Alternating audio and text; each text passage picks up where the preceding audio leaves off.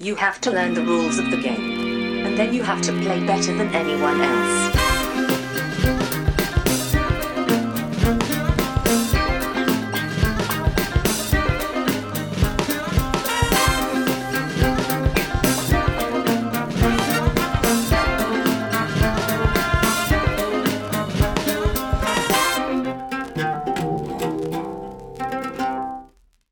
Hej och välkomna till Vems tur är det mellan turerna? Podcasten där vi pratar om spel. Jag heter Marcus Brisman, med mig har jag som vanligt min bästa vän och kollega, Ren till min Stimpy, Johan Gertrud.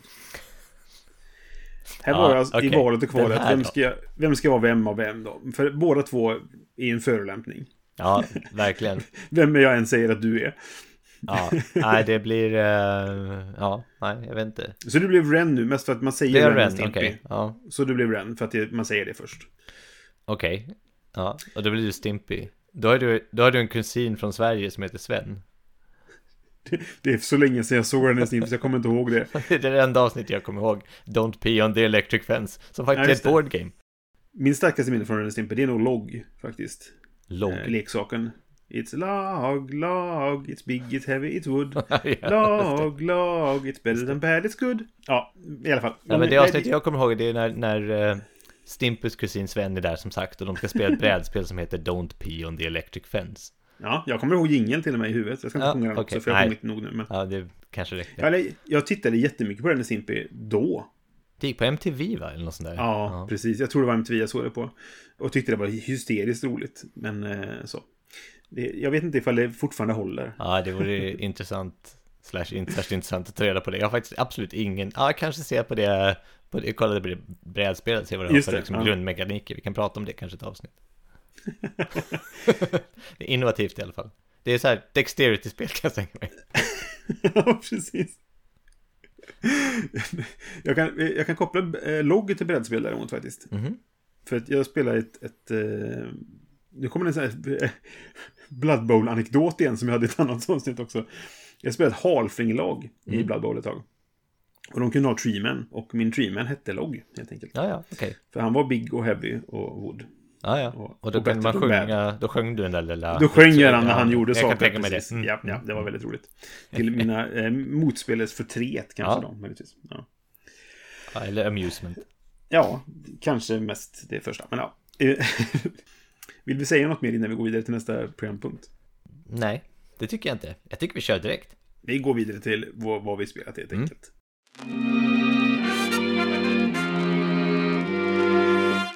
Nu sa jag före vi körde jingeln vad det var vår programpunkt hette, men jag säger det igen och det är helt enkelt vad vi har spelat sen sist. Just det. Vill du säga vad du har spelat sen sist? Ja, det kan jag göra. Jag har ju spelat någonting med dig, Marcus. Ja, just det. Jag kan också säga, jag har spelat någonting med dig, Brisse. För det var jag i Ja. hela världen som kallade dig Marcus, men i alla fall. Nej, det är du och min mamma och min sambo, typ. Ja.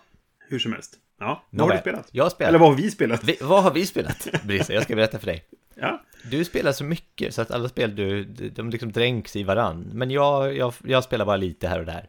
Eh, Mm. nu för tiden i alla fall. Och eh, det jag, slash vi, har spelat är Glow. just det. Kommer du ihåg det? Det kommer jag faktiskt ihåg. Ja. Ja. Och det är då Eller ett... eh, lueur, som det heter Ja, på franska. på franska, ja, precis. Det är ett franskt spel som knappt finns att få tag på på, på engelsk översättning, va? Alltså, jag, nej, jag vet inte ifall det har kommit ut en faktisk utgåva som har glow på lådan liksom. Mm. För det recensionstextet jag har fått, det är ju den franska utgåvan liksom. Ja, precis. Men vi spelade på Tabletop Simulator. Just det. Och eh, det är då ett, eh, ett spel, ett fantastiskt snyggt spel. Ska vi bara börja, börja, börja där? Jättefint. är det. Jättefint Mm. är det. Det är i svart och vitt med eh, liksom accentfärger på ikoner och förmågor. Plus Mm. att det är då ett antal färgglada tärningar med. Så det ser fantastiskt ut. Det, då- är jag direkt hookad liksom. Eh, Just det. Det var väldigt mycket det som lockade mig. Förutom att det då också är designat av samma designer som Lewis Clark. Ja, exakt, jag skulle komma till det. Det Mm. Cedric Chabosset kanske? Något sånt kanske. Ja, om man sånt. är bra på franska. Ja, det, vi kan ju etablera att ingen av oss pratar franska. Men, Mm. eh, Nej, precis. man kan titta på sin Lewis Clark-låda som man säkert äger eftersom att det är ett jättebra spel. Just det. Och så står det där. Mm. I alla fall, då är man då en eh, varelse som ska ta sig igenom, i vårt fall en skog tror jag. Eller en grotta. Jag kommer inte ihåg nu vad det hette. Det någonting, någonting Lance tror jag bara det Ja, hette. Eller så. men ja. det ser ut som en grottsystem liksom på, på, eh, på spelplanen. Och under den lilla resan man gör där inne i grottsystemet så plockar man upp diverse varelser som följer med en på vägen och ger en olika egenskaper. Mm. Eh, om man spelar då i åtta runder, varje runda plockar man upp en varelse och med varelsen då får man ett antal förmågor. Eller först och främst har varelsen en egen förmåga och när man plockar den så får man ett antal av de slumpmässigt slaga, slagna kommunala tärningarna som man då har till sin dice pool. Sen slår man den och så det är liksom de resurserna man har tillgång till per runda. Och de kan man använda till att aktivera sina följeslagare eh, och ge speciella förmågor då, antingen poäng eller någon av spelets liksom metaresurser som är fötter och eh, reroll, reloads, Mm. precis. Just det. Och sen så kan man också använda dem till att gå och förflytta sig på det här eh, brädet liksom. Mm. Och då finns det två bräden, vi spelade bara på det ena. Men det vi spelade på så kunde man, det handlade mest om att komma fram runt och sätta sitt lilla hus. Man har ett litet hus som man bär runt på. Och sätta det i olika gläntor för att få poäng i slutet då. då. Och då kommer man, Ja. och längst bort på spelplanen gav det mest poäng då. då. Så, och så spelar man sådär, varje runda så slår man de här tärningarna, delar ut dem och så beroende på liksom vilket djur man tar så får man ett antal av de tärningar för de läggs upp i, de sorteras i den symbol de, de har va? Nej just det, det, de sorteras i slutet på varje runda så att de kommer tillbaka in precis. Ja, det som de slogs Ja, förra det som de rundan slogs blir förra det. rundan, Ja, precis. just det. Och sen så Vilket jag tycker var en av de mest intressanta Ja, mekanikdelarna. Mm.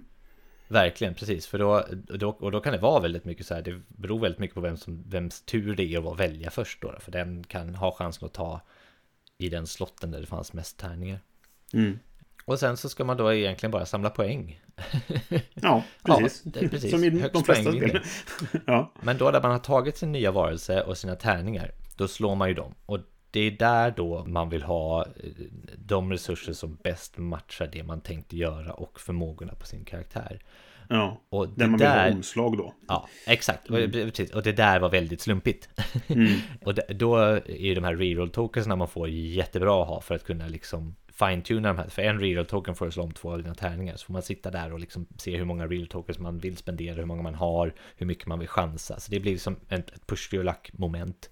Ja, och speciellt som eh, förmågorna på varelserna du har kan vara av typen du vill ha den här symbolen för att kunna få poäng eller vad det nu är. Det. Eller så kan det också vara, det kan, du vill inte alls ha detta för att då får du mycket poäng ifall du inte har någon av de här symbolerna. Liksom. Precis. Och sen kan du också slå vissa kombinationer som gör att varelser som är lite känsliga dör.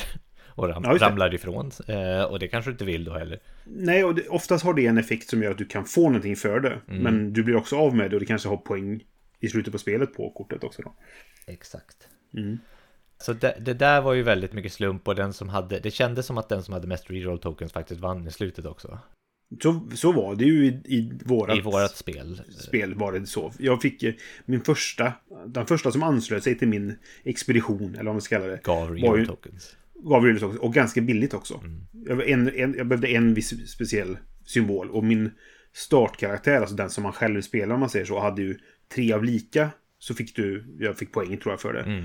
Vilket gjorde att om jag bara samlade de tre, då fick jag tre reroll tokens och poäng varje runda. Ja, precis. Och det var inte så många tärningar heller. Nej, precis.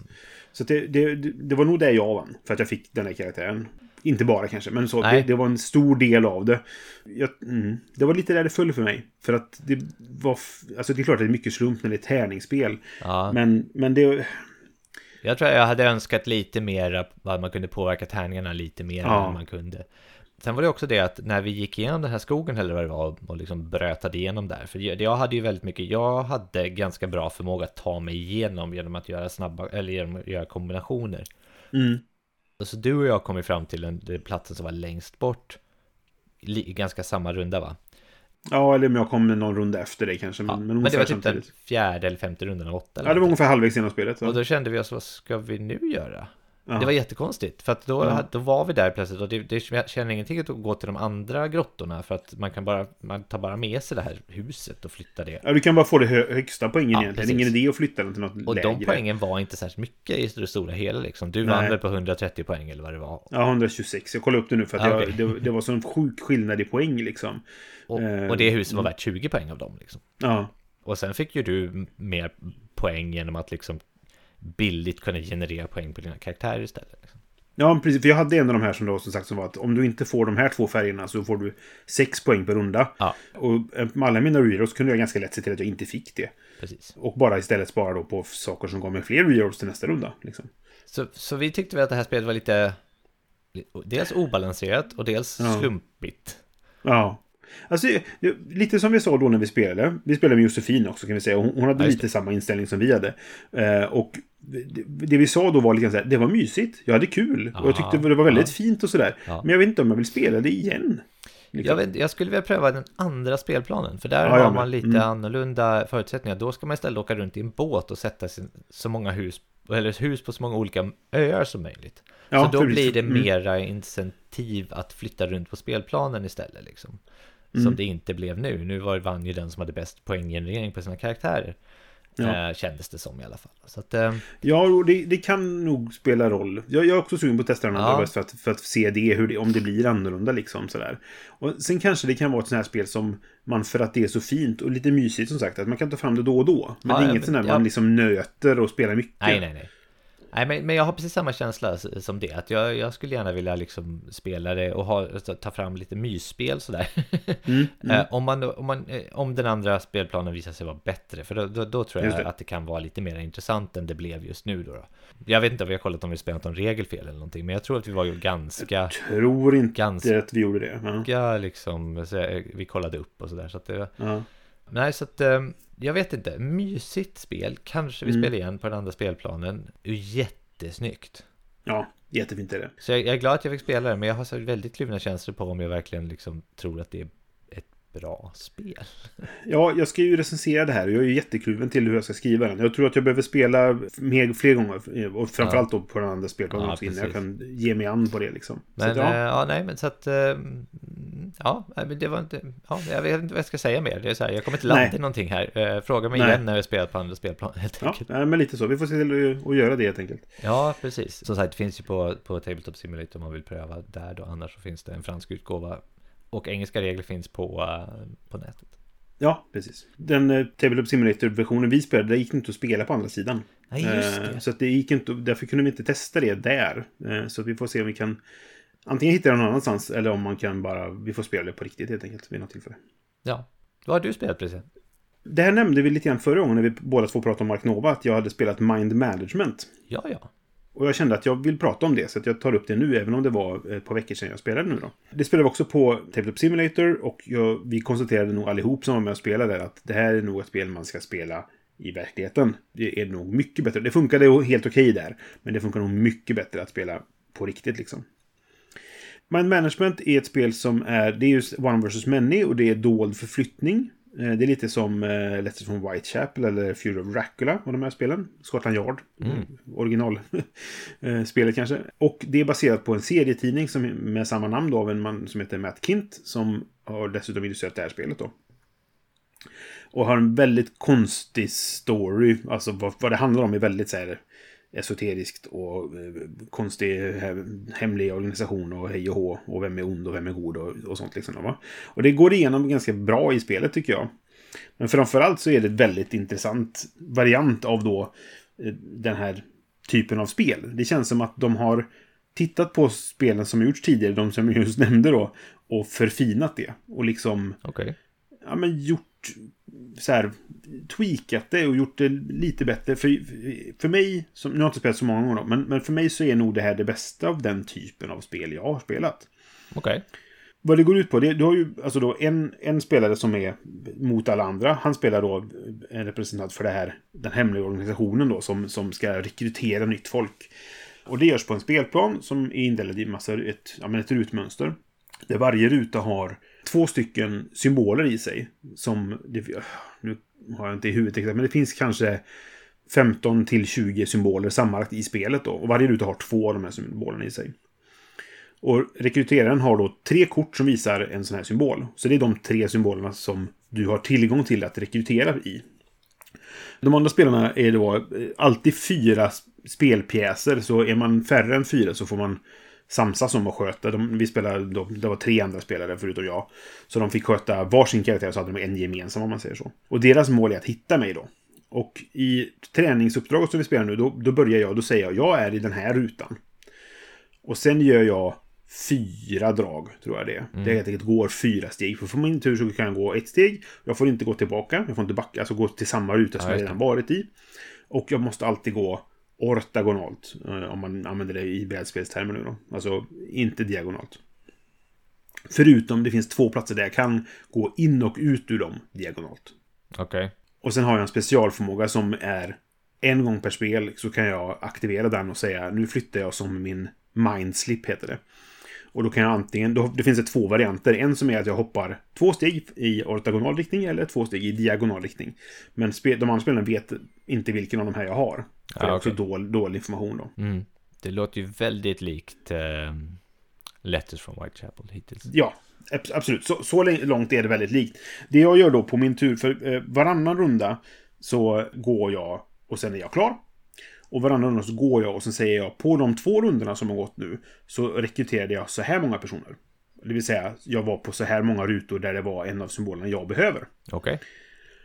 Och mellan varje gång det är min tur så är det två av mot, alltså de andra spelarnas pjäser som får göra någonting då. Okej.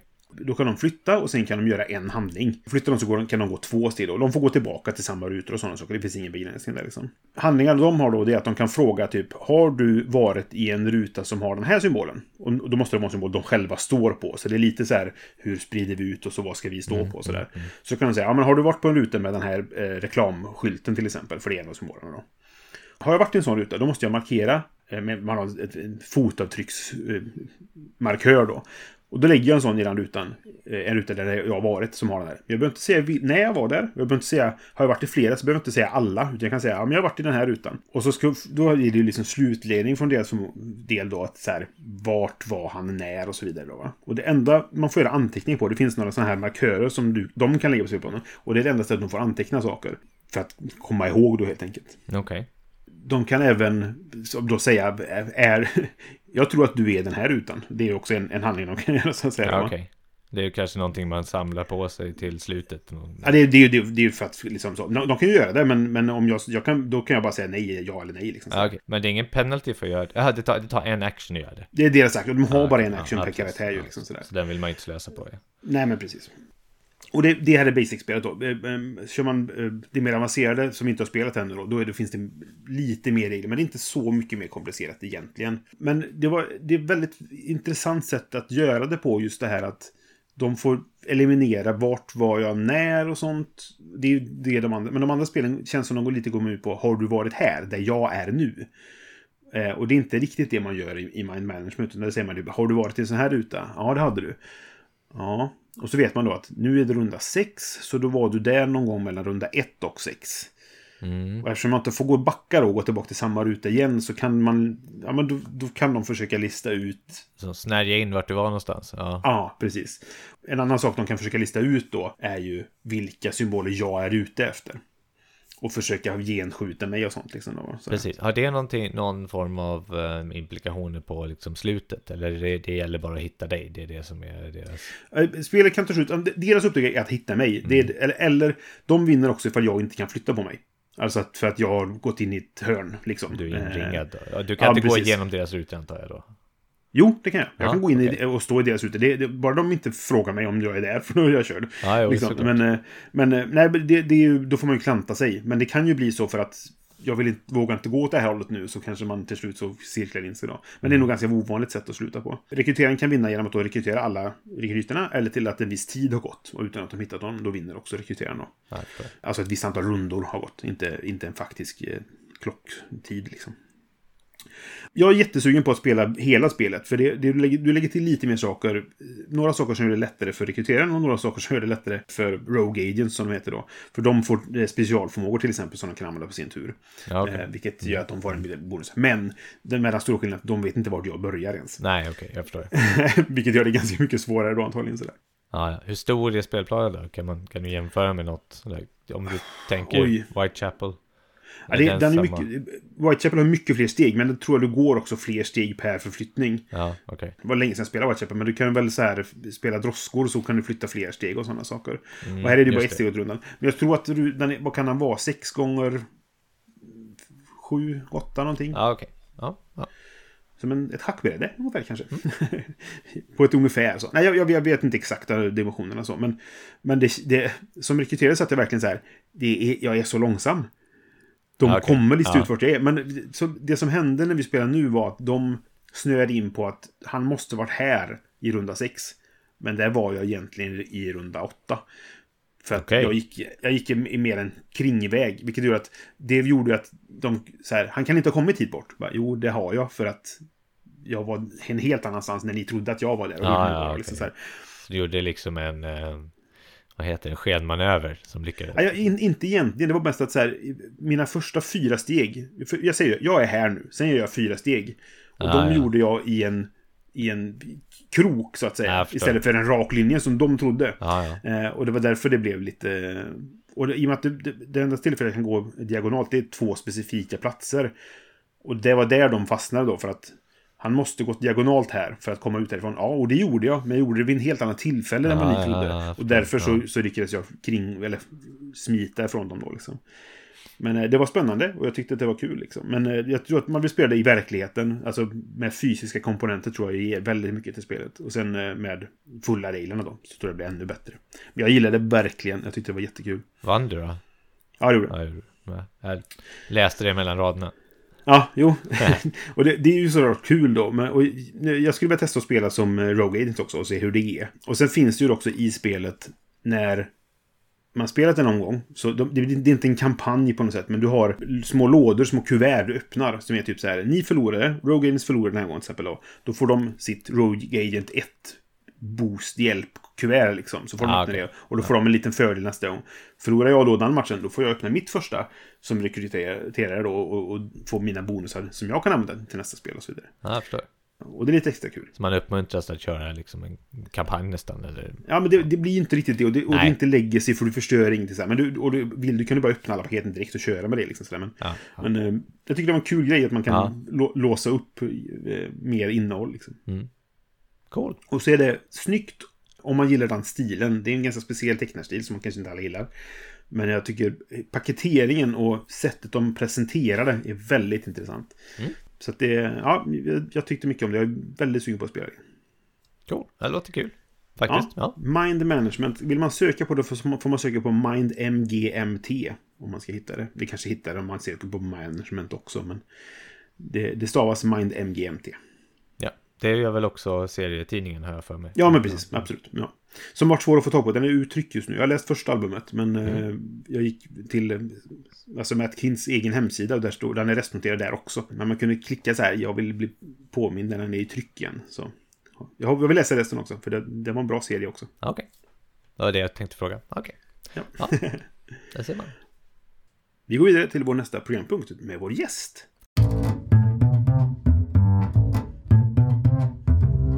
Då har vi kommit till programpunkten där vi pratar om vårt huvudämne och den här gången har vi med oss en gäst. Vi har speldesignern Christian Amundsen Östberg med oss. Välkommen! Hei, takk for det. Kul att ha dig här! Ja, jätteroligt att ha det här verkligen. Hyggelig å bli invitert. Ja, och som ni hör så är Christian norsk. Det kanske ni hör även på namnet då. Så att eh, det blir det viss språkförbistring så får man stå ut med det helt enkelt. Jag tror det ska gå bra. Det ska gå bra. Vi brukar ju inleda med våra eh, fyra frågor då, så att man ska få lära känna våra gäster lite grann. Eh, sådär. Så att eh, vi börjar med den enkla frågan. Vem är du, Christian? Ja, hvem er jeg? Jeg er Christian Østby. Jeg eh, er fra Norge. Jeg har eh, spilt spill hele mitt liv. Jeg har designet spill eh, hele mitt liv, men mer sånn profesjonelt de siste 15 årene, kanskje, da. Ja. Så tidligere så designet jeg spill eh, og litt sånn som frilans. Eh, fikk det gitt ut på forskjellige forlag. Utenlandske forlag, tyske forlag. Eh, Mens de siste eh, ja, ti årene er det vel, så har vi hatt et eget forlag, Apporta Games. Så vi har gitt ut spill på det. Ja, vi kommer lite grann till det om, om skillnaden mellan att ge ut så. Det är, inte, det är en av frågorna vi kommer till, men Ja. vi väntar med den tills Ja. vidare. Ja, så jeg eh, holder på med spill så mye jeg kan. Eh, I tillegg så eh, jobber jeg som lege og som forsker ved det norske Folkehelseinstituttet. Okej. Ja, Så det er de to sidejobbene jeg har, i tillegg til å lage spill. Vad är, är du specialiserad på något speciellt inom, eh, alltså som läkare? Eh, Jeg jobber som allmennlege. Ok. Ehm, og så forskningen, det har vært forskning på ja, epidemiologi, på, på psykiske lidelser og, og, ja, og samfunnsmedisin. Ja, intressant. Så du har haft mycket att göra nu kan man säga då? Ja, eh, altså det vil si, jeg har ikke holdt så mye på med smittevern. Ja, Eh, ok. så, så, jeg har, eh, så jeg holder på med andre prosjekt. Så, så eh, ja, det har eh, ikke vært så travelt. Nej, okej. Eh, Fråga två då, Christian. Vilket är ditt favoritspel? Ja, det er vanskelig å svare på. Jeg har forskjellige Er du- favorittspill for eh, forskjellige anledninger, selvsagt. Ja. Og jeg er jo såpass eh, gammel at jeg har jo hatt eh, Puerto Rico som favoritt. eh, Taj Mahal har jeg hatt som favoritt. Ra har kanskje vært eh, Det også Det holder seg fortsatt. Ja. Men så er det ett spill som jeg også har liksom pleid å vende tilbake til når jeg får det spørsmålet, og det er, eh, det er fordi det er litt mindre kjent. Og jeg syns det, har fått litt u- det er litt ufortjent eh, lite kjent. Og det er et spill som heter Home, Homesteaders, utgitt på TMG for noen år siden. Just det. Vet ikke om dere har spilt det? Ja, nej, jag har inte spelat det. Jag känner till det, men jag har inte spelat det. Jag har hört talas om det men inte spelat, nej. nej. Fra 2009, utgitt av Alex Rockwell, som ikke er kreditert med noen andre spill på Board Game Geek. Nei. Denne One Hit Wonder. Ja. Det er et eh, auksjonsspill hvor man auksjonerer bort eh, eh, ja, bygninger. Man bygger sin egen westernby. Produserer ressurser s- som skal konverteres til eh, andre ressurser og til victory points. da. Jeg vet ikke hvorfor jeg liker det spillet så godt, men det, det er ett et av mange favorittspill. Ja, okej. Eh, I vårt förra avsnitt så pratade vi om det här med att ha många ospelade spel i sin samling. Du spelar ju ganska mycket som jag har förstått det. Har, har du mycket ospelade spel? Ja, jeg har Jeg prøver jo å få spilt alt, men jeg har jo Jeg har kanskje en spillsamling på Jeg tror jeg har jo rundt 2000 spill, omtrent. Så det er en stor, stor kjeller. Jeg prøver jo å få spilt alt, men det er likevel noen eh, Jeg har en hylle, da. En hel hylle. Sånn fra, fra gulvet til tak med, med uspilte spill. Så det er sikkert en 50 50 50-60 uspilte s- spill der. Så de, og mange av de har jo vært i denne hylla lenge, og ja, det er vanskelig å komme Vanskelig å prioritere de spillene som eh, Ja, de som har blivit liggande ett tag. eh, De som har blivit liggande länge, Ja, ja, ja. Jo, det är klart. Ja, nej, för anledningen till att jag gjorde det var ju för att jag hade över 100 ospelade i min samling då. För jag, jag, ja, under pandemin har jag ju köpt mer än vad jag har spelat. liksom sådär. Ehm, det blir lätt så. Det veldig mange av spillene mine jeg har én gang. Eh, Ja, samme her. ikke sant? Så, så hvis jeg spiller et spill to ganger, så har jeg likt det veldig godt. Ja, og så er det noen få spill da, som jeg spiller mye. Just det. Ja. Men jeg prøver jo, jeg, jeg er ikke noen samler, så jeg prøver å kvitte meg med spill hvis jeg får Altså hvis det er nye spill da, som jeg vet jeg ikke kommer til å spille igjen, så, så prøver jeg å bli kvitt det. Gi det bort eller selge det eller et eller annet. Bare for å Ja, ok. Men det er lettest når spillene er nye. Det er ikke så lett med gamle spill. Og, Nej, nej, det har jag också märkt att det är svårt att sälja gamla spel. Om det inte är ett, en, liksom, ja, men en klassiker eller sådär. Så, Ja, så kan det vara svårt, ja. ja, men klassikerne vil jeg gjerne beholde, da. Så. Ja. Ja, det blir ju så. Okej, sista frågan då är vilket är ditt senast köpta spel? Och då brukar vi även inkludera alltså Kickstart. Vilket är det senaste spel som kommit in i ditt hem? Ja, Det er et eh, falskt premiss i det spørsmålet. Det er jo at, eh, at jeg kjøper spill ett og ett. Men det gjør jeg selvsagt ikke. Så, så den f siste forsendingen med spill, den inneholdt vel Inneholdt eh, i hvert fall fire spill. Skal vi se, den inneholdt eh, Gutenberg fra Ja, det är jag nyfiken på. Ja, det var eh, Det likte jeg bedre enn jeg trodde. Så det, var, Ok, ok. ja, så det overrasket eh, positivt.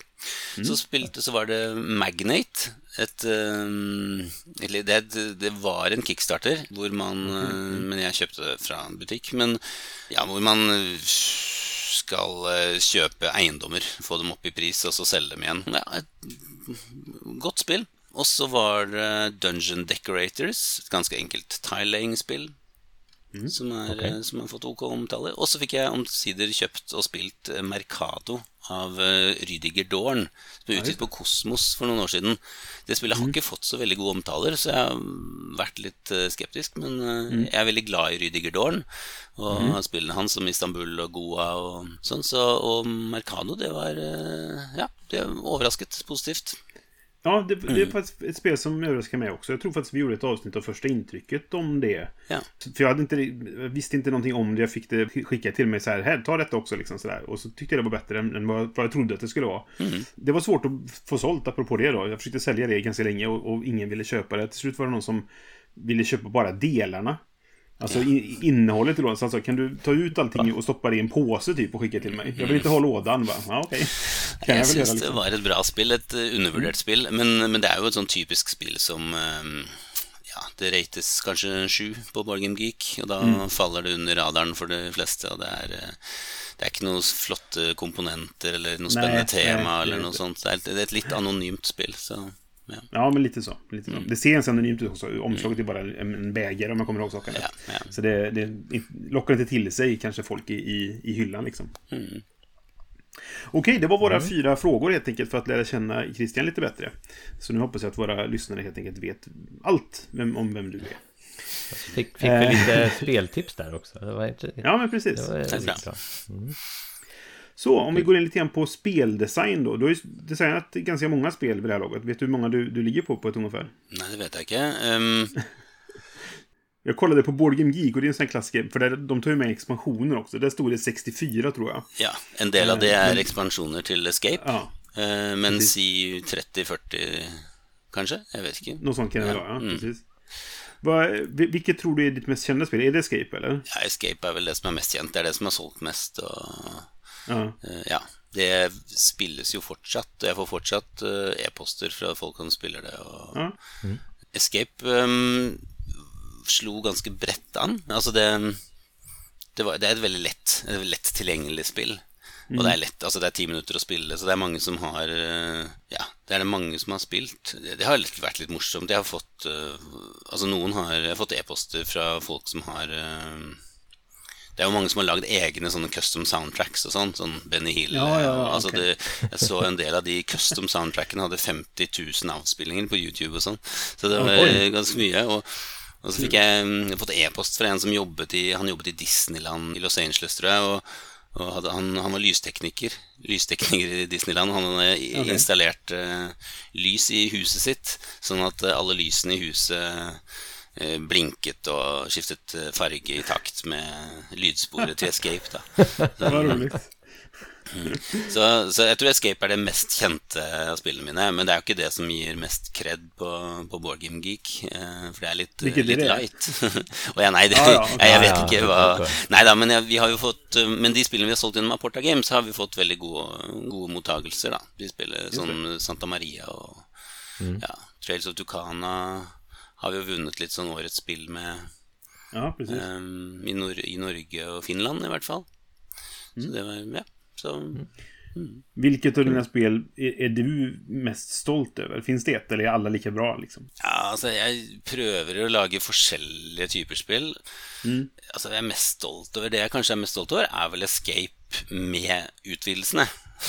Ok. Ikke grusesettet, men med utvidelsene. Og det var jo sånn jeg lagde Jeg lagde jo spillet med mye innhold. Når forlaget skulle gi det ut, så, så var vi jo liksom klare på at vi skulle dele det opp og ha forskjellig innhold i At det skulle komme mer innhold i utvidelsene. Men, men jeg angrer egentlig litt på hvordan det ble gjort, fordi jeg har jo spilt det hundrevis av ganger, og det det eneste som gjør Altså, eneste grunnen til at jeg har orket å spille det så mange ganger, er fordi at jeg har spilt med, med særlig de Quest eh, noe, det, det er noe innhold som kommer i utvidelsespakke nummer to. Jaha, okej. Mm. Så, det, det, så de aller aller fleste som har spilt Escape, har ikke spilt med disse utvidelsespakkene. Har spilt eh, grunnspillet. Okej. Og, da, og da har spillet begrenset gjenspillbarhet og, og sånn, så ja. Okej. Men eh, med utvidelsene så, så er det Escape jeg kanskje er Mm. mest fornøyd med. Okej. Jag, jag måste fråga dig, spelar du någonsin dina egna spel efter att du är klar med dem liksom? Nei, veldig sjeldent. Så sjeldent som mulig, for da har jeg spilt eh, Da har jeg, gjerne, da har jeg jo spilltestet spillet hundre, noen hundre ganger. Ja, jag Og så mig. har jeg jobbet med regler og grafikker og sånn, og da har jeg jobbet med det et halvt år, og så kommer spillet ut et halvt år etter det, og da er det, så da er det i hvert fall et år siden jeg var ferdig med det spillet. Og da, da har jeg nye spill jeg har mye mer lyst til å spille. Ja, så klart. Så, Ja. så jeg prøver Altså, noen ganger så kan jo spillmaterialet ha noe å si. Sånn som Escape har jeg jo spilt etter at det kom ut. Eh, Men altså, det var jo gøy å prøve det med det nye lydsporet og, og sånne ting. Og da vi lagde, lagde offshore for noen år siden, så var det litt gøy å prøve med, med de nye tilene. For det og ja, det, de gjorde litt med å, for opplevelsen, da. Så det hender at jeg prøver det en gang eller to, men ah, ikke, ikke fordi jeg syns det er så gøy. Nei. Man kan förstå att man kanske blir lite trött på dem efter ett tag. Jo, så er jeg jo mye mer opptatt av de nye spillene jeg holder på med. Eller at det er mye morsommere å jobbe med de nye spillidéene da, enn de gamle. Jo, men ja, för du, du behöver ju fortsätta utveckla nya idéer också för om du ska fortsätta ge ut spel liksom. Ja, altså, jeg har mange Jeg har Det tror jeg de fleste, eller veldig mange som lager spill har, at de har en, en mappe på PC-en med to, 200, 200 mapper da, til forskjellige spillideer, som jeg har eh, startet på på et eller annet tidspunkt. Eh, og veldig mange av de er jo avsluttet. eh, eller det liksom prototypen blir litt hengende, da. Eller jeg får en ny idé som, kanskje, som jeg liker bedre. Eller, men sånn, så jeg har kanskje en sånn fem, mellom fem og ti prototyper som jeg jobber med litt mer seriøst til enhver tid. Ja, på et eller annet nivå.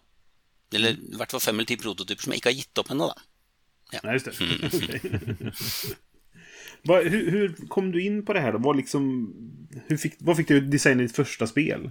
Det er vanskelig, for jeg, eh, jeg har spilt spill hele livet. Alltid syntes det var veldig gøy, og, gøy med spill. Og eh, i Norge på 80-tallet Jeg er født i 1980, vokste opp på 80-tallet. Da fantes det jo ikke kjempemye spill i norske butikker, men, men det var alltid spennende når jeg var i utlandet, når jeg var i Sverige eller Danmark, og gå i spillhyllene der og finne spill som eh, Skatten i Drakborgen eller eh, just ja, det. ja, og, ja. Så, og Hero Quest. Sant? Er, det er en del sånne spill. Så, og så etter hvert så begynte vi å finne oppdage Avalon Hill-spillene og oppdage spesialbutikker i Norge hvor de har da, hadde importerte spill, amerikanske spill.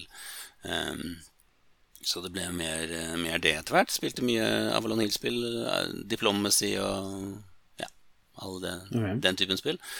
Og så, så drev jeg også det, Jeg vet ikke, det var bare en litt sånn naturlig ting. eh, Jeg syntes det var gøy å lage ting. Det, synes det var gøy. Altså, når man er barn, så lager man film, man tegner og Altså, jeg lagde også spill, da. Det var, det var gøy. Og så ble jeg det Fikk jeg gitt ut et spill eh, Det var et litt sånn eh, Et veldig enkelt deduksjonsspill på et norsk eh, leketøysforlag i Okej. 1996, hva må det ha vært. Og så fortsatte jeg å lage spill etter det. Kom en mytteri i Little Blue, på Little Blue, det var noen år etterpå. Og så begynte jeg å jobbe mer og mer med spill. Etter hvert kom da Mammut på tyske Queen Games. Og så har jeg liksom oppdaget at, jeg, at det gikk an da, å lage spill og få dem utgitt. Eh, Og så har jeg fortsatt med det i større og større tempo. Ja. Det, det låter som det, bara blev så. Det bare ble sånn, jeg tror det er litt sånn Hvis man er veldig glad i å lese bøker, så begynner man å, får man lyst til å skrive bøker selv etter hvert. Ja. Ja. er man veldig glad i spill, så Jeg tror veldig mange spillere har en eller annen spillidé, eller har tenkt på en spillidé en gang, i hvert fall. Ja. ja. Eh, ja. Jo, men det tror jag också. Det, jag, det har, både jag och Johan har ju eh, alltså, försökt i alla fall. Jag har ju gått speldesignutbildning och så vidare. Men, men det, det är nog inte alla som har det i sig att faktiskt designa spel heller. Även om man vill eller har idéer om det liksom. Jeg vet ikke. Eh, ja, det er jo en lang vei fra en rå idé til et ferdig spill. Så, og det er klart det er veldig mye sånn prøving og feiling. Eh, For min del så hjelper det masse å ha erfaring med spill. Jeg har spilt masse, masse spill siden jeg var liten. Ja. Spilt masse forskjellige spill. Og det gir en litt som en, en litt slags sånn verktøykasse, en slags sånn følelse av hva som fungerer, og hva som ikke fungerer. da.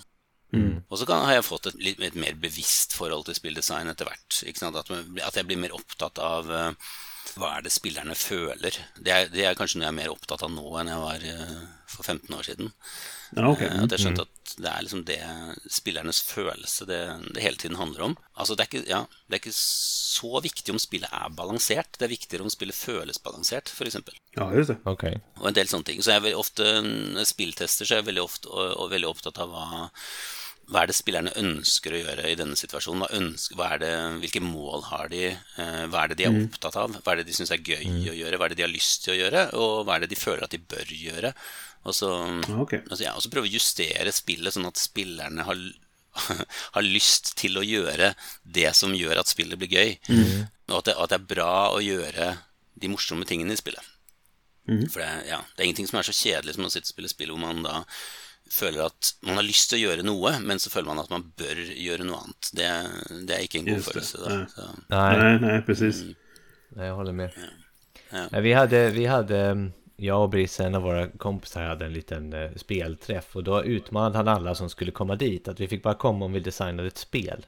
mm. Eh, så därför, så jag, vi gjorde varsitt spel då. Brisse tror jag lyckades bättre än mig. Men vad jag, vad jag Jag, jag tog ju ett spel jag hade gjort börjat på för länge Ja, sedan. jo, jo, så men det det var, det var ändå- mer, mer spel... Jag har gjort fler alltså, designiterationer på det. på ja, precis. Ja. Men vad jag ville komma till var att när jag satt och gjorde det här och satt och, och spelade det själv och som min fru så tyckte jag att efter ett tag så blev det jäkligt tråkigt. Alltså att bara göra samma sak. Så då undrar jag, var det jag som hade en dålig idé? Eller är det bara eh, väldigt, ett väldigt mycket nötande innan man kommer rätt så att säga i, i, i speldesignen? Jeg vet ikke. Jeg tror Altså Det jeg også jobber med når jeg har en spillidé, er jo liksom at jeg, at jeg tester ganske tidlig, og så prøver jeg å finne ut hva er det som er den gode ideen her. Hva, hva i spillet er det som er gøy å gjøre? Og så er det veldig ofte at det er veldig mye i spillideen som ikke var så gøy som jeg trodde.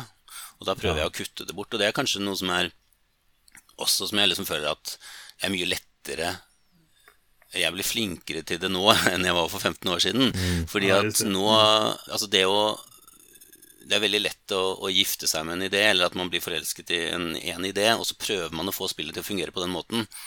For 15 år siden så var det jo sånn at da når jeg lagde et spill, så hadde jeg veldig lyst til å få med det i spillet, og så hadde jeg lyst til å ha med dette i spillet, og så ville jeg at spillet skulle gjøre dette. Eh, Og da, kunne man jobbe, da kan man jobbe veldig lenge med å prøve å presse det inn i et spill, og få, prøve å få spillet til å fungere sånn som man vil. Men, men det var jo da var det jo litt mer sånn Jeg tror mange har det sånn hvis man skal, ikke har lagd spill før, at man tenker at man, hvis man skal lage ett spill, så skal det være det ene drømmespillet. Det skal være spillet som har alt. Og så prøver man ja. å presse alt inn i det. Men nå er det, for min del nå så er det litt mer sånn at hvis jeg har, føler at det er noe som ikke fungerer i et spill, så kan jeg kutte det bort. Og så kan jeg heller tenke at jeg kan heller bruke den ideen i et annet spill. Og det er en veldig sånn litt sånn befriende ting, da. Det blir, Ja. blir mye lettere å, å kutte bort ideer som jeg egentlig føler er gode, men som kanskje ikke, ikke fungerer så godt i akkurat dette spillet. Ja, just det. Så, og det har jo skjedd ofte, at jeg har begynt å lage et spill, funnet ut en eller annen mekanisme som jeg liker veldig godt, men som ikke fungerer i det spillet, så jeg har kuttet den bort, og så har jeg senere tenkt at ah, den mekanismen den kunne jeg kanskje bruke i et annet spill i stedet. Ja, just det. Återanvänder dem då. Ja. ja. Vad skulle du säga då i, i den här processen? Vad, vad kommer först? Är det mekaniken eller är det temat? Eller är det något annat rent av? Det kan være veldig forskjellig. Jeg tror, For min egen del så har jeg følt at resultatet blir ofte best hvis jeg har idé til en god mekanisme. Hvis jeg starter med en god mekanisme, så blir resultatet best. Men jeg har også altså designet spill altså Fordi at jeg tenker at spillene handler om følelser. Og det handler om hva spillerne skal føle. Og da kan det veldig godt starte med et tema. Eller det kan starte med en setting. Um, et eksempel, altså Det jeg designet Escape, så var det så konkret som at da ønsket jeg Eller jeg har liksom tenkt på den, der, den følelsen som er som man ofte har når man ser sånne, sånne thrillere eller skrekkfilmer. sånn, Altså den lille scenen hvor em, et eller annet monster eller jakter på hovedpersonen. Han klarer akkurat å låse seg inn i et rom. Han klarer akkurat å sme smekke igjen døra. Altså det er en, vel- litt sånn, sånn Emosjonelt sett så er det et sånn veldig enkelt grep eh, som føles ganske Eller det vekker liksom litt sånn Ja en teknikk da, som, som eh, en enkel måte å vekke følelser i, i seeren på. Og så hadde jeg lyst til å prøve å gjøre noe sånt i et brettspill. Bare, det var, og det var det det startet med, det å prøve å gjenskape akkurat den følelsen i et brettspill. Ok. Da mm, kom jeg etter hvert til at ok, da må det være real time. Og så, ok, hvordan kan det være real time? Skal man bruke kort? Skal man, altså, Da landet jeg etter hvert på at terninger er Altså, det, det er taktilt, det er mye lettere, du slipper å stokke. Altså, ja, Og så bygde jeg det rundt den derre Og da var det jo den nedtellingen, den som kommer midt i spillet, eh, hvor du må tilbake igjen. Det var det jeg liksom Jeg prøvde å bygge spillet rundt. Um, så, så med Escape så startet det ikke med et tema eller mekanisme, det startet jo mer med den følelsen som jeg ønsket å, å, å skape. så, Ja. så jeg tror det kan starte med alt mulig. Men, eh, men, men hvis det bare har tema, så tror jeg det er vanskeligere å, å få til et veldig bra spill. da. Att komma i mål, ja. Mm, ja. Just det. Ja, det är intressant. Var tar du inspiration från annars? Du spelar ju sagt väldigt mycket spel. Hittar du inspiration i andra spel? Eller vad, vad, finns det något annat som inspirerar dig? Ja, masse. Eh, masse. Eh, men men, jeg, men jeg, jeg prøver ikke å kopiere spill. Men det hender Nei. at jeg spiller et spill og føler at dette spillet var nesten bra. Eller det, ju- det prøvde på noe, men som det, jeg følte det kanskje ikke helt fikk til. Og da kan jeg veldig godt få til å liksom prøve å gjenskape den samme følelsen, da. Men i et annet, eh, et annet spill. Det hender ofte når jeg spiller spill. at, eh, og det er ofte også at når jeg leser spilleregler, at jeg begynner på reglene, og så får jeg en slags forventning om hvordan spillet skal være, men så var det ikke helt sånn allikevel. Og så. Plutselig var det på en annen måte, og da har jeg, da har jeg, har jeg plutselig en, en, en idé til en spillmekanisme. Ja. Så, så der er det mye, mye inspirasjon. Nej, för det, det är ju så, alltså så här, det, eh, man, man stjäl ju inte från andra spel, men det, det är ju alla spelmekaniker, inte alla, men de flesta spelmekaniker finns ju redan. Och det handlar ju mycket om att, att hitta nya kombinationer av spelmekaniker och, och sen som sagt, vad, vad skapar det här istället då, som, som inte kanske har gjorts förut. Och att det är mycket det det handlar om. Ja, ja, absolutt. Og jeg har jo prøvd litt sånn i um, å spille for noen år siden som het Perfect Alibi. Um, Og så kom det ut, så fikk jeg, ga jeg ut et spill på et japansk forlag etterpå som het uh, Four Suspects, tror jeg. Som er en slags sånn forbedret versjon av det igjen. Og der var det jo fordi at jeg ønsket å gjenskape spillet Sleuth fra, fra Sid Saxon gamle deduksjonsspillet. Fordi at jeg liker det veldig godt. Men jeg syns at spillet tok for lang tid, og det er litt sånn Altså, i Sleuth så er det åpent hvem du stiller spørsmål til, og det er en veldig ulempe å bli stilt spørsmål. Så jeg ønsket å gjenskape et sånn eh, deduksjonsspill, men med kortere spilletid, og med mer sånn jevn fordeling av spørsmålene mellom spillerne. Så så der var det jo Det var helt klart inspirert av et spill. Og det var ikke, noe, det var ikke noe hemmelighet. Tvert imot. så Nei. var det ja. Og også det spillet som jeg lagde sammen med Henrik Larsson, eh, Gangster City, var jo også et veldig sånn enkelt deduksjonsspill, litt sånn mastermind i bånn. Men et ønske om å lage et veldig sånn tilgjengelig, litt sånn sosialt spill da, rundt, eh, rundt sånt, eh, en sånn mekanisme. Vad, vad fick dig att starta eget företag sen då? Sen när ni startade Porta Games? Vad, vad, hur var det att ge ut hos utgivare och sen gå över till att ska, göra sin egen... Alltså ha, sin egen utgivare? Ge ut hos utgivare, det, det jeg syns var Det er veldig gøy, og det er gøy når du har samarbeid med et godt forlag som gjør noe bra med spillet.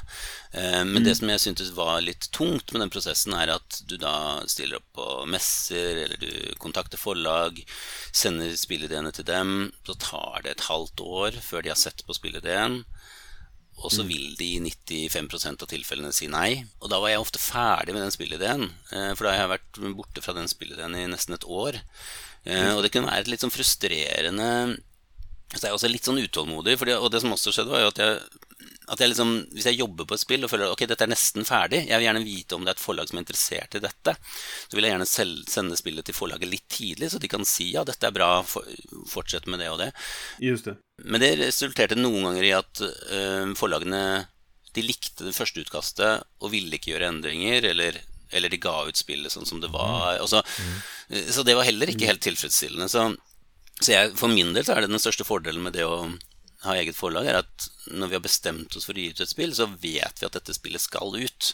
Og da kan jeg jobbe med det og finpusse på det lenge og helt fram til, helt fram til, send, helt fram til vi sender filene til, eh, til trykkeriet. da. Eh, Kan liksom gjøre små endringer i reglene, og det liker jeg egentlig veldig godt. Fordi da kan jeg føle at jeg er, liksom, ja, er fornøyd med spillet, da. Om man aldri er fornøyd. Aldri blir aldri helt fornøyd. Det er alltid, alltid ting man skulle gjort annerledes.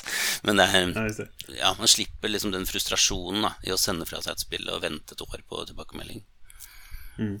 Var det en stor process att, att du ska starta e- eget företag? Liksom? Ja, vi I starten så Altså første det, altså, Jeg startet jo da Porta Games sammen med Eilif Svensson, som jeg ikke egentlig kjenner privat. Men han hadde også gitt ut noen spill, eh, noen sånn quiz-spill på norske forlag, og hadde lyst til å gi ut eh, i utlandet. Så, han, så vi ble enige om at vi skulle å starte et lite forlag og gi ut Som et forsøksprosjekt gi ut Doodle City, da spillet vi lagde sammen. Sånn enkelt skulle være enkelt og tilgjengelig. Lett, billig å, billig å trykke opp, billig å lagre, billig å frakte. Og, eh, så det var et forsøksprosjekt, egentlig. Og vi visste ikke da egentlig hvor eh, Vi hadde ikke noen langsiktige planer. Men så gikk det bra, og så hadde vi jo da hadde jeg et spill Jeg husker, jeg husker ikke jeg rekkefølgen på spillene her, jeg. Men i hvert fall Automania kom vel også ganske snart. Det var et spill som jeg hadde designet, og da hadde jeg lyst til å gi ut det. Og så ga vi ut det på Porta Games. Og så har vi jo kommet med flere spill senere, da, som vi har eh, også laget sammen. da. Så det var, det var ingen langsiktig plan der, men det viste seg å fungere. Og så Sen har du fortsatt? Ja.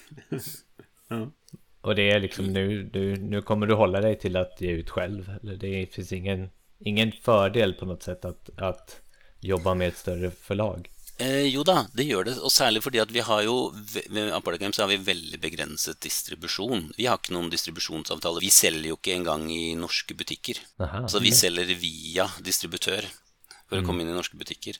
Og vi har ikke noen sånne faste distribueringsavtaler. Så, så vi må gi ut et spill, vente på at vi får gode anmeldelser, og håpe at en eller annen distributør eh, bestiller spillene våre. Det. Og det er jo tungvint, det er litt risikabelt, og det gjør at når spillene våre er nye, så er de ikke umiddelbart tilgjengelige. Sånn som nå hadde vi jo Bad Company i spill i eh, oktober, og da fikk vi gode omtaler og veldig mange etterspørsler fra Amerika f.eks., men spillet fins ikke tilgjengelig i Amerika. Så nå trykker vi det opp, og det blir solgt til Asmodee i USA, og, så det blir tilgjengelig om kanskje en to måneder eller noe sånt. da. Men det er jo et halvt år etter at det burde vært tilgjengelig.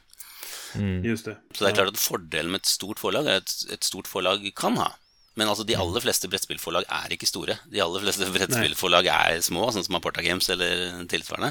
Og så er det jo noe, Mens de store forlagene de har jo etablerte distribusjonskanaler, og da kan man liksom få et spill ut. Og så kan man si at for oss, vi er jo et siden vi ikke har noe tilgang til eh, massemarkedet, så er vi nødt til å selge til, eh, til hobbymarkedet. Til, eh, så vi er nødt til å få gode anmeldelser, og, ja, og at folk vil ha spillene våre. Eh, Så hvis vi, har, for eksempel, hvis vi hadde hatt et sånn, litt sånn enkelt familiespill, så er det mye vanskeligere å nå fram med det. Fordi ja, gamere kan også være interessert i det, men, men det er eh, ja, sånn, som, eh, sånn som Trails of Tucana. Vi lanserte det samtidig med Eller under spill i ja, for ja, blir det tre år siden snart. Vi solgte ikke så spesielt mye av Trails of Tucana i Essen, men, men akkurat Trails of Tucana ble plukket opp, og det var flere som var interessert i det, og det vant noen priser, og, så det har vi liksom solgt mer av i etterkant. da. Men for oss så har det vært mye lettere å selge spill på messene til, til hobbymarkedet, eller til, til, til det man kaller gamere, da. Ja, just det. Ja, precis. Mm. Jag tänker på det här, för eh, i, i Norden, om, vi, om nu, inte bara för att prata om Norge då, utan vi pratar om Norden sådär. Det finns ju inte jättemycket speldesigners som, alltså, som ger ut spel eh, från de nordiska länderna. Det finns ju, eh, alltså, du är inte ensam, men det är inte jättevanligt om man jämför med till exempel Tyskland eller Polen eller, eller liksom Tjeckien. Men eh, tycker du att det finns några specifika liksom, förutsättningar som nordbo att ge ut spel? Några fördelar eller nackdelar liksom? Alltså, det är ju... Det er fordel med alt man kan gjøre fulltid. Og vi holder ikke på med Porta Games fulltid. Og det er klart at det at jeg har hatt en annen jobb som jeg kunne ha ved siden av, det har jo gjort at vi kan ta mye større Eller altså, det eh, Da kan vi bruke den tiden vi trenger. Ja, Det er ikke noe, det er ikke noe kritisk for meg om vi ikke solgte masse spill. just det. Altså, så, så det er klart at det å ha den muligheten til å det å ha et sånn sikkerhetsnett, et sosialt sikkerhetsnett i, i bunn, det er jo en kjempefordel. Men det er jo ikke noen selvfølge at man har det i Norden heller. Men, men kanskje er det lettere i Norden enn i noen Jeg vet ikke. Eh, Ja, men, men ellers så Jeg vet ikke helt hva, om det er noen kjempefordeler eller ulemper. Nej, det kanske inte är någonting som man tänkt på egentligen. Det, det är bara något som slog mig när vi eh, satt och förberedde det här. Liksom. Att det är lätt att vara... Eller lätt ska jag säga. Men att det kanske finns fler tyska spellicenser. Det är väl för att spel, brädspel i Tyskland är en sån stor grej jämfört med vad det kanske är i, i de nordiska länderna. Eh, an- antalet spelare är större också. Liksom. Ja. ja, det er det jo. Så Tyskland er jo et kjempeviktig marked. Og vi snakker ikke tysk, men vi snakker jo med tyskere. Og vi får spillene våre oversatt. eh, Og jeg tenker at um, ja, hvis man spiller mye spill, så spiller man like mye spill i Norge som man gjør i Tyskland. Eller jeg kan spille like mye, du, vi kan spille like mye spill som, som man gjør i Tyskland. Um, så, så vi får jo prøvd de samme spillene og Just det. ja. Ja, du, du har berättat ganska mycket om nu hur din speldesignprocess går till då. Men är det något du känner att du liksom vill, vill sammanfatta? Hur, hur går den till för dig? Om du, från, från, när du börjar med ett spel tills det, det ges ut, liksom, hur, hur ser processen ut för dig? Ehm, ja, det begynner som sagt helst med en eller annen idé til en spillmekanisme. Og så tester jeg den veldig tidlig, bare med papir og tegner på papirlapper. Og tester Da prøver jeg bare sånn kvarter, 15 minutter. Prøve å få en følelse med hva er det man gjør her. Er det gøy? Er det, hva er det som er gøy? Hva er det som ikke er gøy? Og så går jeg tilbake og lager en ny eh, versjon. Med, prøver å styrke da, de elementene som er det, det, det man liker, eh, det jeg vil at man skal gjøre i spillet. Og så på et eller annet tidspunkt så lager jeg en prototype med, ja, med cliparts fra Google. Ja, ja, Bare funnet på Google. Um, Og så um, prøver jeg å teste, ja, kanskje med litt flere enn meg selv. Og så, ja, så går det derfra. Og så jobber jeg og endrer og endrer og endrer. og endrer. Det er, kan jo føles litt som en sånn evolusjonsprosess. At man gjør små endringer, tester på nytt, gjør små endringer, tester på nytt. Og forhåpentligvis så blir det hele tiden litt bedre. Det er klart at En sånn evolusjonsprosess er også litt sånn følsom for eh, at eh, i evolusjonen den har tendens til å liksom lage blindtarmer og, og halebein og sånne ting som ikke egentlig har noen funksjon lenger. Så, så noen ganger så trenger man litt sånn intelligent design også. At man, eh, at man går tilbake på null da, og sier, tar liksom den prototypen man har, og sier ok, hvis jeg skulle lage dette på nytt, Ja. hvordan ville jeg gjort det da? Ikke sant? Og det er også noe jeg liksom har hatt ganske god erfaring med noen ganger. Det å liksom ha jobbet med en idé til det stopper opp, og så bare legger jeg bort den prototypen noen måneder, og så etter noen måneder så kanskje jeg husker Ok, kommer jeg kanskje på Ok, hva, det var den prototypen. Hva, hva var det egentlig som var gøy å gjøre? Hva var det jeg likte å gjøre i den prototypen? Og så, så designe spillet på nytt igjen etter noen måneder. For da kan man kutte Ok. bort alt som alle sånne små blindspor man har kjørt seg fast til. Just det. Ja, intressant. Vad, har du någon slags checklista när, vad, vad är det som gör att ett spel blir liksom så pass färdigt så att det går till tryck? Ja, vi bestemmer oss ofte for å trykke f- Når vi gir ut spillet selv, så bestemmer vi oss for å trykke spillet før det er ferdig. Fordi at vi ser at nå blir spillet så bra Nå blir spillet så bra at vi har til å gi det ut, da. Og da Det är fortsetter tillräckligt färdigt för att gå vidare med. Liksom. Ja, ikke sant? Fordi at når jeg er så sikker på spillet at eh, nå, Sånn som jeg har jobbet med et spill som heter Revive, et sånn strategispill som er liksom et sånn, liksom, sånn big box-strategispill, hvor man skal eh, spille hver sin sånn tribe, da, prøve å befolke jorden etter apokalypsen. da, Og det er sånn tech tree. Så det er et ganske sånn stort spill, og det har vi jobbet med i tre år, i hvert fall. Men vi har ikke bestemt oss for å gi det ut før nå. Vi bestemte oss vel i fjor eh, vinter da, at vi skulle gi det ut. Eh, Men vi har jo ikke jobbet med grafikker og sånn før vi, før vi vet at nå, nå er vi fornøyd. Eh, Nå, ok, vi skal kanskje gjøre noen justeringer, balanseringer og sånn, men vi, det er sånn spillet blir, da. Så, så nå er vi liksom helt i sluttfasen på det spillet. Og jobber med grafikker og Så jeg kommer fortsatt, kommer fortsatt til å gjøre små endringer på det, men da er det sånne små justeringer og balanseringer og sånn, da. Nej, men just det här med att, att man känner att man är klar med någonting kontra att man alltid vill hålla på och liksom ändra och ändra och ändra och justera. Ja, og det er kanskje også litt fint med å ha en deadline. Fordi at eh, Ja. når vi nå har bestemt oss for å gi det ut Vi må ha filene klare til trykkeri i, eh, i mai, og da må vi ha grafikeren må være ferdig i april. Og da kan vi ikke endre på de Altså, grafikeren blir også, kan også bli litt frustrert når vi stadig skal gjøre små endringer. Så, så, sant? så jeg vet at nå har grafikeren begynt å jobbe på spillebrettet. Ikke sant? Da, ok, Så vi skal ikke endre på spillebrettet nå. Men jeg kan fortsatt gjøre små justeringer på sant? Men så er det snart, snart en deadline på det òg, og da, da er det ferdig. Det, ja. Men det er jo alltid når jeg spiller mine egne spill, eller ser mine egne spill eh, etter utgivelse, så har jeg alltid lyst til å endre på noe. Men det tror jeg sånn, er- sånn er bare verden. Og det, ja, Ja, det är nog ganska vanligt. det tror jeg kan være litt sånn frustrerende når man har laget sitt første spill. Og se, se alt man skulle ønske man gjorde annerledes. Men, men det er mye lettere å leve med nå enn før. Jag kan tänka mig det. Och hur, hur, eh, om jag får fråga, hur jobbar ni med grafiker? Är det, eh, har ni någon så här pool eller jobbar ni alltid med samma eller hur, hur kommer man i kontakt med de som är intresserade av det liksom? Det er jo mange illustratører som er kjempeflinke, men jeg har prøvd å jobbe med illustratører som jeg ser også kan kjenne spillmediet, da. Som vet, som skjønner viktigheten av tydelighet, f.eks. Og vi har en illustratør, en norsk illustratør som vi har jobbet med på veldig mange av spillene våre, brukt på nesten alle spillene i Aporta Games, det er Gjermund Baane.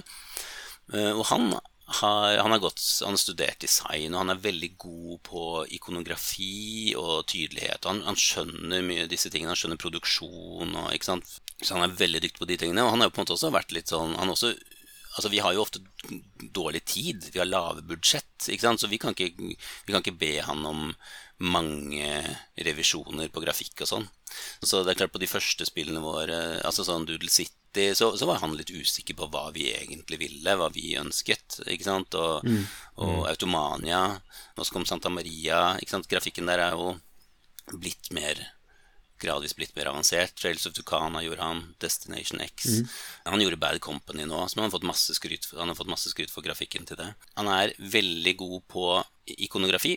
Lager eh, logiske eh, ikoner som, eh, som er intuitive å forstå.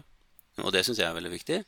Eh, og så har vi noen ganger brukt eh, Sånn som i Revive nå, så, vi, så har vi brukt han samme franske illustratøren, Martin Mottet, som vi brukte på Magnificent.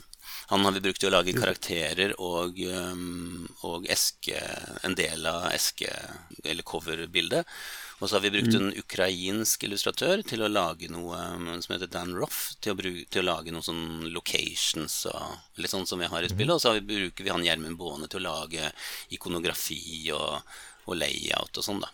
Fordi at dette er spillet som vi på en måte følte um, trengte den litt sånn Altså som Magnificent så har vi jo vel Der er illustrasjonene veldig viktige. Og det er det også her da i Revive. Så der har vi også ønsket å ikke bruke han Gjermund Baane på alt, men å liksom um, bruke de andre illustratørene på, på enkeltting, og så setter han det sammen, da. En helhet. Ja, okej. Just det. Mm. Med. Jag såg omslaget intressant. på Revive. Det ser ju väldigt spännande ut. Ja, det är ett Så utkast. Det är ganska annorlunda omslag. Ja, Ja, precis. det er et utkast. Så, men eh, der har vi også prøvd å gjøre noe litt sånn annerledes. Der er det jo Konseptet er jo egentlig at, um, at det er en spilleske eh, hvor uh, liksom forsiden er revet bort, og så kommer den grafi eller bildet til han franske illustratøren fram under, da.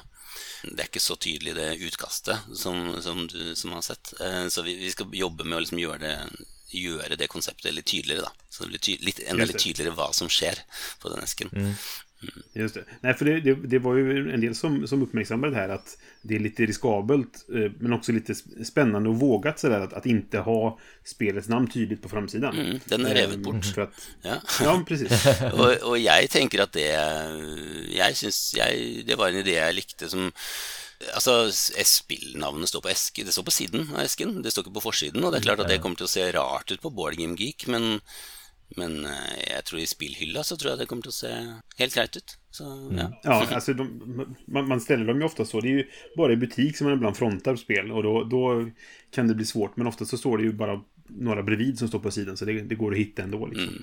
Ehm, Så det, jag tycker det är en intressant eh, idé att göra, på det sättet. Mm, ja. Ja, verkligen. Jag är lite nyfiken på den här lilla figuren som ni har på er logga. Var kommer den ifrån? Den var en A. Altså, vi hadde, Da vi først grunna, da vi lagde Apartheid Games først, så hadde vi en, en egendesignet A som så litt mer ut som en A. Og så fikk vi da nevnte Gjermund Baane, designeren, til å designe en ny logo, litt sånn basert på den. Ok. Så den ligner litt på den første figuren, men den ser litt mindre ut som en A. Ja, Men det er, men det er en liten, en, et, ja, et lite dyr, da, som er en, en liten A, egentlig. ett litet A. Okej. Var ja. kommer namnet ifrån? Aporta? Nei, det betyr ingenting. Vi vil ha et ord som ikke Som ikke Ja, som, som ikke ga veldig mange Google-treff, og Ja. som Just det, ja, okej. ja. Ja. Ja, men jag, jag känner mig nöjd där med eh, det berättande om, om speldesignen. Så här, jätteintressant ja, faktiskt. mycket. Så frågan är, vill, vill du vara med på resten av våra eh, eh, programpunkter också? ja, gjerne det. Ja, men då så. Då går vi vidare till nästa programpunkt helt enkelt.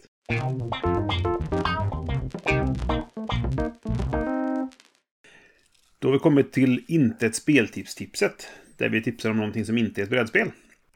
Vi har ju i tidigare program konstaterat att jag tittar en hel del på YouTube. Jag tänker nu tipsa om sammanlagt fem YouTube-kanaler på en gång. För att de gör lite liknande saker. Så att jag, jag klumpar ihop dem till ett, ett stort tips helt enkelt. Och det är folk som gör, alltså, gör saker. Eh, terrängbitar eller, eller eh, modellerar och sådana saker. Och det, det är fem kanaler som heter Boila i Hobbytime, North of the Border, Nerdforge, Lazy Creation World och Luke Towan. För det är de jag tittar mest på. De som jag alltid är så här, när det kommer en ny film från dem så är till, den till i min spellista. För det tycker jag är spännande. Det här, kära lyssnare, det här får vi skriva ner för där kommer ni aldrig kunna ha hunnit anteckna. Nej, precis. Jag, jag, jag hoppas att jag ska komma ihåg att lägga länkar i, i, i så, när vi släpper avsnittet så man kan följa länkarna helt enkelt till de här kanalerna. Jag tog de här fem för att de är ganska... De gör liknande saker, men de har ganska egen stil. Eh, vilket gör att jag tycker det är kul att prata om allihop egentligen. Va? Boyla i Hobbytime och North of the Border är ganska lika. Det är en, en ensam kille som sitter och, och gör saker. Boyla gör mest nördiga eh, terränggrejer. Han har en serie han gör eh, så weird west-grejer kan man säga. Alltså vilda västern fast med konstiga monster och sådana saker. Och Nerdforge gör mycket eh, tv-spelsrelaterade modeller. Han gör i, i modell, alltså i lera om man säger så. Än någon speciell clay då som han bygger med. Men båda har samma stil just i att de, de är ganska torr humor där de sitter och pratar om vad de gör. Och de beskriver hela tiden vad de gör så här, och så skojar de lite och sådär. Väldigt trivsamt att, att titta på liksom. Nerdforge, de är norska faktiskt. Och eh, du kanske vet vilka de är Christian? Jag vet vem hon, hon ena är. Altså, Ja. ja. jeg tror hun er en, en kusine av, eh, av en, en venn av meg. Så, Ja, okej, vad roligt. Nej, och de är väldigt kul för att eh, de gör också mycket så här ja, med landskap och, och nördiga. Det är väldigt nördigt, de heter Nerdforge så. Men det som jag tycker är kul med det då, det är, Martina heter hon som, som är den som är är mest aktiv. Och sen är det hennes eh, pojkvän, eller om de är förlovade, vad kan det vara som heter Eh, Hansi tror jag han heter. Och eh, hon har en väldigt kul eh, utstrålning och entusiasm. Hon är väldigt glad hela tiden och sådär. Och så är det kul att se då vad de bygger och, och de går igenom vad processen och så vidare då va. Lazy Creation World är en tysk kanal som är helt tal, det är inget tal i den, utan de har texter istället sådär. Han gör väldigt mycket, eller de, det är flera stycken, jag tror det är en familj som gör saker tillsammans. De gör väldigt mycket så här, eh, postapokalyptiska saker, vilket jag är förtjust i. Och är extremt bra på att få saker att se gamla och slitna och rostiga ut. Så där är det bara det här njutningen i att se någonting växa fram och sen bli ett resultat och där det är en tank som är under vatten och så springer det folk på, ja, jag vet inte allt vad det kan vara liksom sådär. Och sen Luke Towen är lite åt det hållet då, fast han gör alltså modeller i, i skala för tåg framförallt då. Och också där ser någonting växa fram och se hur skickligheten i, i, i hantverket är verkligen kul. Och han går också verkligen då igenom alla steg när han gör det så här, så man kan sitta och in, inte lära sig hur man gör kanske, för jag skulle aldrig kunna göra det här, men, men det är ändå en viss njutning i att se, se det här hantverket. Eh, liksom då. Så det, det är fem eh, maker-kanaler kan man väl säga då som jag tycker är, är, är kul att följa och eh, som jag kan tipsa om. Och så förhoppningsvis då har vi länkar när vi släpper avsnittet. Okej. Jag har, eh, det har tagit mig ju, vad är det, 24 avsnitt till att, till att tipsa om det här. Men jag har också en YouTube-kanal faktiskt på ämnet brädspel. Så jag, jag går inte så långt ifrån den här gången. Men jag hade anledning att kolla upp sådana här regelgenomgångar häromdagen. Vi har ju haft Lars här. Just det. Eh. Lär dig spela. Men jag hittade inte spelet där. Eh, som jag ville titta på. Så jag letade på YouTube och där finns det jättemycket saker. Men jag fastnade, jag fastnade vid en kille som jag tyckte gjorde det väldigt bra. Och då tänkte jag att vi ska öka hans awareness helt enkelt. Och Mm. Just det. det är, vi pratade om, om honom sen, eh, precis efter vi pratade om det här. Men eh, kanalen heter Game in a Nutshell. Och det är Just det. Mitrania heter, heter killen. Mm. Och han gör regelgenomgångar av spel som, det, det är liksom allt, allt onödigt är bort, bortklippt på något vis. Han går liksom Ja. rakt på sak, väldigt tydlig, väldigt bra editerade videor och har väldigt många spel. Det verkar liksom som att han gör det här typ heltid. Det är mycket möjligt att han Ja, gör. mer eller mindre verkligen. Eh. Jag, det är är en kanal jag också följer. och Som Ja. jag, så vi har diskuterat det. Jag tycker han är väldigt bra. Väldigt tydlig. Precis, så, så det tyckte jag var så här, aha, liksom, jag har, man, man drar sig lite från att titta på de här, många är sådana här playthroughs, är så här två timmar långa kanske när de ska förklara allting. Den här killen lyckas verkligen sammanfatta essenserna i spel. För mig. Ja, nej men jag, jag håller med. För det, det, många är ju just att det, det är så här, nu, nu lär jag er spelet medan jag spelar det. Och det vill inte jag ha, för då tar det tre timmar liksom. Medan eh, Game in a Nutshell är eh, som sagt nedbantat till essensen i det. Du lär dig spelet. Det är som att ha någon som sitter och lär dig spelet vid bordet liksom. Fin- Finns inte, har inte Lars gjort en video, vilket så här, han har inte kommit, kommit så långt än. För det gillar jag att det är på svenska liksom sådär. Men finns inte den så blir jag alltid lika glad när det, det finns en från Game Nutshell då. För då, då vet jag att jag får kvalitet i min regelgenomgång liksom. Det var bra. Då Christian, är du redo nu? Oi, oi, oi. Ja, nei, jeg, jeg var ikke så eh, skjønte jeg nå. Eh, Vi har gjort det här i 24 avsnitt nu. Så att, ja, eh, ok. Ja. Nei, jeg, eh, jeg hadde tenkt at jeg skulle anbefale noen film eller noe sånt. Jeg bare Men Det går bra. eh, men altså, det tenkte jeg har en, en, en anbefaling som jeg regner med at dere har fått med dere. Mm. Eh, altså, og jeg regner med at dere begge har sett Peacemaker på HBO. Eh, Tv-serien ja, precis. TV-serien, ja. Jag har sett den. Ja, så jag har inte nu- kommit dit ännu. Ikke kom til den, skulle jag gärna vilja se faktiskt. Det här är något som jag kanske hade tänkt eh, tipsa om i ett framtida avsnitt. Så att du, nu behövde jag inte göra det, utan vi tar, kan ta det nu istället. Ja, nei, det er altså en TV-serie av eh, Zack Snyder, eh, regissør Sa- og skribent Zack Snyder, som, som er mest kjent for Guardians of the Galaxy. Det är James Gunn, tänker du på? Hva sa jeg? Ja, James Gunn, ja. James Gunn. Ja, eh, ja eh, unnskyld. Han har jo også, lagde jo også da nylig Suicide Squad, Just det. som også er laget av Zack Snyder tidligere. Ja, ja, ja, nemlig. han- Ja, det var derfor jeg ville ha ja. Just det. Ja. og, og James Gunn har, han er også kjent for å ha skrevet Dawn of the Dead, regissert av Zack Snyder, siden. og så har han skrevet Scooby-Doo 2. Monsters Unleashed. Det er ikke så, han er ikke så kjent for det. Okej, ja. Eh, Men Peace, men Peacemaker er i hvert fall en TV-serie som handler om en av disse karakterene fra Suicide Squad, eh, spilt av John Cena, muskelbunten John Cena. eh, Hvor han, han er en sånn Ja, en, en helt. Superhelt. Slags superhelt som skal redde Ja. verden. Og jeg syns det er imponerende hvordan James Gunn klarer å holde he Han har skrevet hele den serien, og det er Hvor mange episoder er det? Det er ni, Ja, ti? åtta tror jag. Noe sånt. Eller något sånt. Er- åtta till åtta og det er, ikke sant? det er vanskelig nok å skrive en komedie, en film. Det er vanskelig nok å fylle en film med, med nok, eh, nok poenger til å, eh, til å fylle en hel komedie. Men, men her har jeg altså klart å fylle en hel, en hel TV-serie med, med materiale. Som, Så jeg syns Peacemaker er veldig bra. Det er veldig gøy. ja. Og det er eh, ja, introen. Du kan jo starte med å se introen, da, hvis du ikke har sett eh, TV-serien ennå. Den er eh, Just det. veldig bra. Den, er, eh, den har musikk av norske puddelrockbandet Wigwam.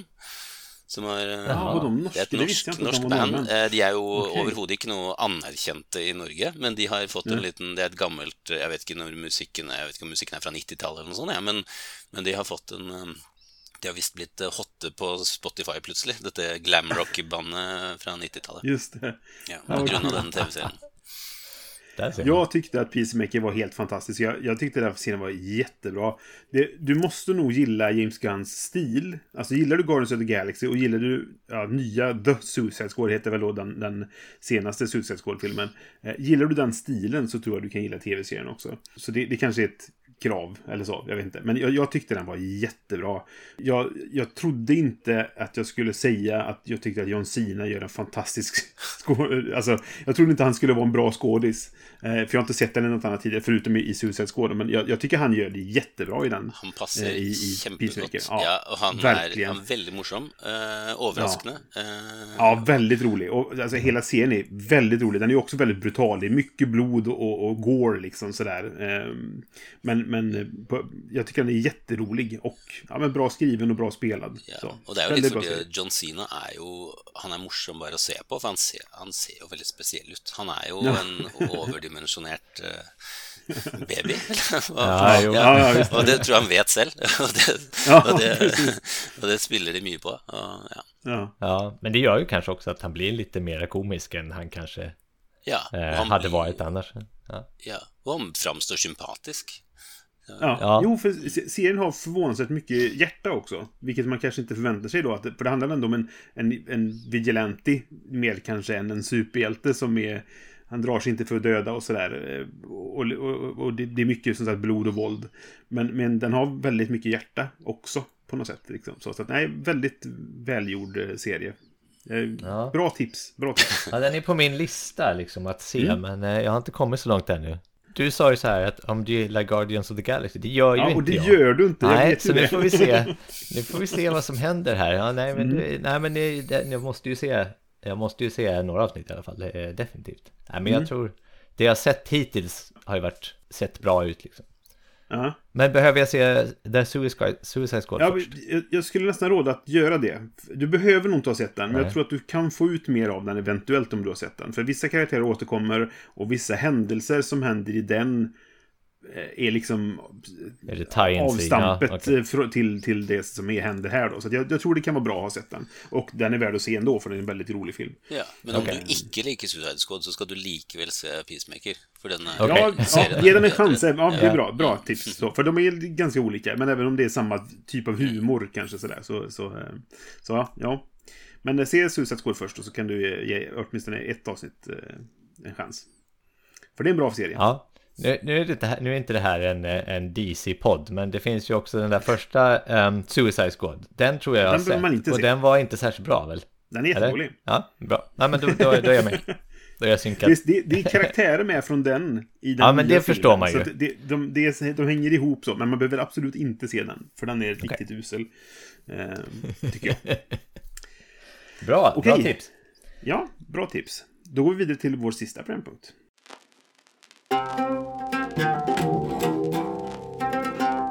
Som vanligt så ska vi i vår sista programpunkt prata om ett spel vi ser fram emot att spela. Någon gång mellan nu och evigheten. Helt enkelt. Ja. Universums värmedöd, Brisse. Universums Ja, men jag, värmedöd. jag, jag tänkte få eh, variera oss lite. Ja, okej, okej. Mm. Vad ser du fram emot att spela Johan? Jo, jag ser fram emot att spela ett spel som eh, jag upptäckte idag. Ska Okej. komma ut. Ett spel som heter Arcs. Mhm. Och det Det har är inte då... jag hört talas om. Ah. Det är alltså Cold Worlds uppföljare på Oath. Aha. Med illustration av Kyle Farren såklart. Och då har han på något sätt tagit det här lite, eh, det fina som var med Oath, storytelling, alltså berättandet och tagit bort tärningarna och lagt till en kortmekanik istället och försatt det hela i en rymdopera. Okej. Typ inspirerat lite av typ, vad var det han skrev? Att det var tiden, rymdoperorna som de såg ut innan videospelen kom och förstörde allting. Det vill säga typ Star Wars och innan Star Wars liksom. eh, Typ Blixtgården och såna här grejer. Eh, Den typen av feeling ska det vara typ. Okej. Och så verkar det vara lite mer kooperativt, eller i alla fall så startar alla spelarna kooperativt. Eh, Men sen så har, kan man välja vilken liksom, väg man vill ta och då kan man liksom börja staka sin egen eh, väg genom spelet och bygga sin egen story. Okej. Nu vet jag inte mycket mer än så, men jag gillar, alltså, Oath, jag har ju pratat om Oath och då tyckte jag väl att det inte var så där väldigt spännande. Men nu har jag ju spelat det flera gånger, så nu börjar det växa liksom. Jag tycker att det är mycket, mycket bättre än jag tyckte första gången jag spelade igenom det. Och då ser jag ju naturligt fram emot en slags uppföljare. Och sen är jag ju som sagt svag för första intrycket av spel då, då där, Just det. där, och, och eh, Kyle Farrin som, som, eh, och hans illustrationer. Och eh, Mm. jag gillar Root. också. Så att, eh, ja men det blir min, eh, mitt, eh, mitt spel jag ser fram emot. Arcs ska det heta. Mm, Okej. Vad ser du fram emot att spela, Christian? Eh, Jeg ser alltid fram mot å spille Det kunne spurt om mitt favorittspill i sted, og da kunne jeg kanskje svart Unlock-serien. Eh, Så jeg ser Ja. alltid fram mot Unlock. Så jeg ser nå da Det noe av det jeg ser mest fram til. Det er Unlock 9. Legendary Adventures. Okej. Ja. Det er jo en escape Ok. room-serie, og jeg syns at eh, Unlock er den escape room-serien som har holdt høyest nivå, og også vært mest varierte. De har jo brukt forskjellige designere på, på innholdet sitt, og det syns jeg at de har liksom tjent på, da. Det har blitt eh, Ja. De har, hold, de har vært kreative og liksom klart å holde nivået oppe. Det, de imponerer eh, stadig vekk. Um, Så da Ja, så der er jeg alltid spent. Okej. Jag såg, jag har faktiskt inte, jag har lyckats undvika unlock, jag har inte spelat ett enda. Så jag eh, tänkte jag göra en följdfråga här, eh, Christian. Är det, ska man börja med något specifikt unlock-spel eller är det vilket som helst man ska Ja. hugga? Hmm. Ja, det er jo ulempen med å være så variert, da. At det er vanskelig å si hvor man skal begynne. eh, Fordi Ja. og, Altså, det er variabel kvalitet. Jeg, men jeg syns jo f.eks. Uh, Unlock 8, Eh, Mythic Adventures, var bra. Det er altså der hvor det er eh, Ja, det er noe sånn reise jorda rundt, og så er det noe sånn eh, greske greske guder av noe slag. Unlock 7 var forresten kanskje veldig bra. Den er godt, ja, den kan jeg anbefale. Unlock 7, Epic Adventures. Da er det en sånn som jeg syns var en av de beste i serien. Det er en sånn spionsetting, eh, eh, ja, hvor man er noe spi Det tematiske er ikke egentlig så viktig her, da. Men man, man er spioner, man skal eh, gjøre et eller annet. Jeg husker ikke. og så er det en sånn kinesisk eh, mytologisk eh, setting, og så er det en sånn eh, film, en sånn horrorfilm setting. Eh, ja, det er liksom de tre i ok. den pakken der. Så nummer sju syns jeg var, var bra. Okej. Cool, tack för tips. Ja, jag har spelat några Unlock. Jag, att de hade kommit till nio redan, det visste jag inte. Ja, men det, ja, jag, som sagt, jag har missat dem. Ja, ja. Gisse. Ja, jag tänkte också tipsa om ett spel som jag, eh, eller tipsa, jag tänker ett spel som jag ser fram emot att spela, som jag eh, inte visste om heller förrän för några dagar sedan bara. Jag satt och, och kollade på någon ja, onlinebutik och så helt plötsligt stötte jag på ett spel som heter Bureau of Investigation, Investigations in Arkham and Elsewhere. Som jag inte hade en aning om att det hade kommit ut. Eh, och det är ju alltså då alltså baserat på Sherlock Holmes Consulted Detective. Men sett i, i Arkham då. Det finns ju det här gamla spelet. um, Mythos Tells finns det ett spel som heter. Som är liknande då. Men, och det har jag. Och det står i hyllan. Jag har bara inte kommit att spela det liksom sådär. Men, men eh, det är ju...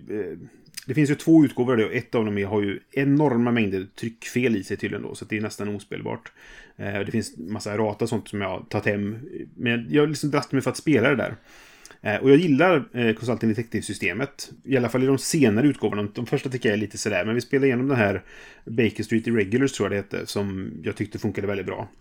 Och jag är ju ett, ett eh, stort fan av, av Lovecraft och, och, och hela den biten, mytosen då. Så att, eh, att få spela i den världen med, med det. Och de har gjort om lite, nu vet jag inte jättemycket om det, men de har gjort om, liksom, det finns lite regler för det här med ja, men att det är övernaturligt och, och sånt där. Då. Att det, de har, har tweakat det och gjort det lite till sitt eget sådär. Så det blir jag väldigt sugen på nu. Och det, jag tycker det är kul när man sitter och så här, ja men jag ska kolla lite spel bara. Vad är detta? Aldrig hört talas om. Och det är ju ett spel jag verkligen skulle vilja spela. så där. Så snubblar man över det utan att ha vetat om att det skulle komma ens liksom. Så att det, det ser jag fram emot. Bureau of Investigation. Och jag tror att, jag tror att eh, Thomas Kondalargo skrev om det eh, i sin grupp häromdagen. Om man vill läsa lite mer om det där så hade han spelat det. Och då blev jag ännu mer sugen på att spela det. Ja, och så kommer ju, har Det är inte så länge sedan Lucky Duck Games eh, annonserade eh, ett sånt Sherlock-spel basert på Chronicles of Crime-systemet. Just det. Ja. Mm. Det, det her også, jeg synes Chronicles of Crime synes jeg også har holdt veldig høy standard. vært, eh, ja, hatt veldig gode Hele den serien har jeg likt veldig godt. Så jeg er spent å se på Jag, hva jag, de jag köpte faktiskt, eh, det var det jag var inne och kollade på. jag skulle köpa det här eh, 2400 då, för det, på, lite grann på din rekommendation Christian, eftersom vi pratade om det i det, det här eh, bästa Et spelet från förra året. der at jeg bare har spilt ett, ett oppdrag i 2400, men eh, Ja, ja, jeg ok. regner med at det er bra. Just det. Ja. Ja. Nej, men för det, det lät lockande på din, din beskrivning eh, då. Så att det, det, det ville jag skaffa och det var på rabatt nu då, så jag kunde få det för eh, lite billigare sådär. Men okej, jättekul. Tack för att du ville vara med Christian. Det var jättekul att prata med dig och intressant att höra om dina tankar om speldesign. Hyggelig å få være med. Och sen ser vi också fram emot att spela Revive. Ja, Ja, det precis. får. Jeg, Det är jag nyfiken på. Ja, nej men jättetack Helt för att du klart. var med. Eh, det var tack. kul att prata.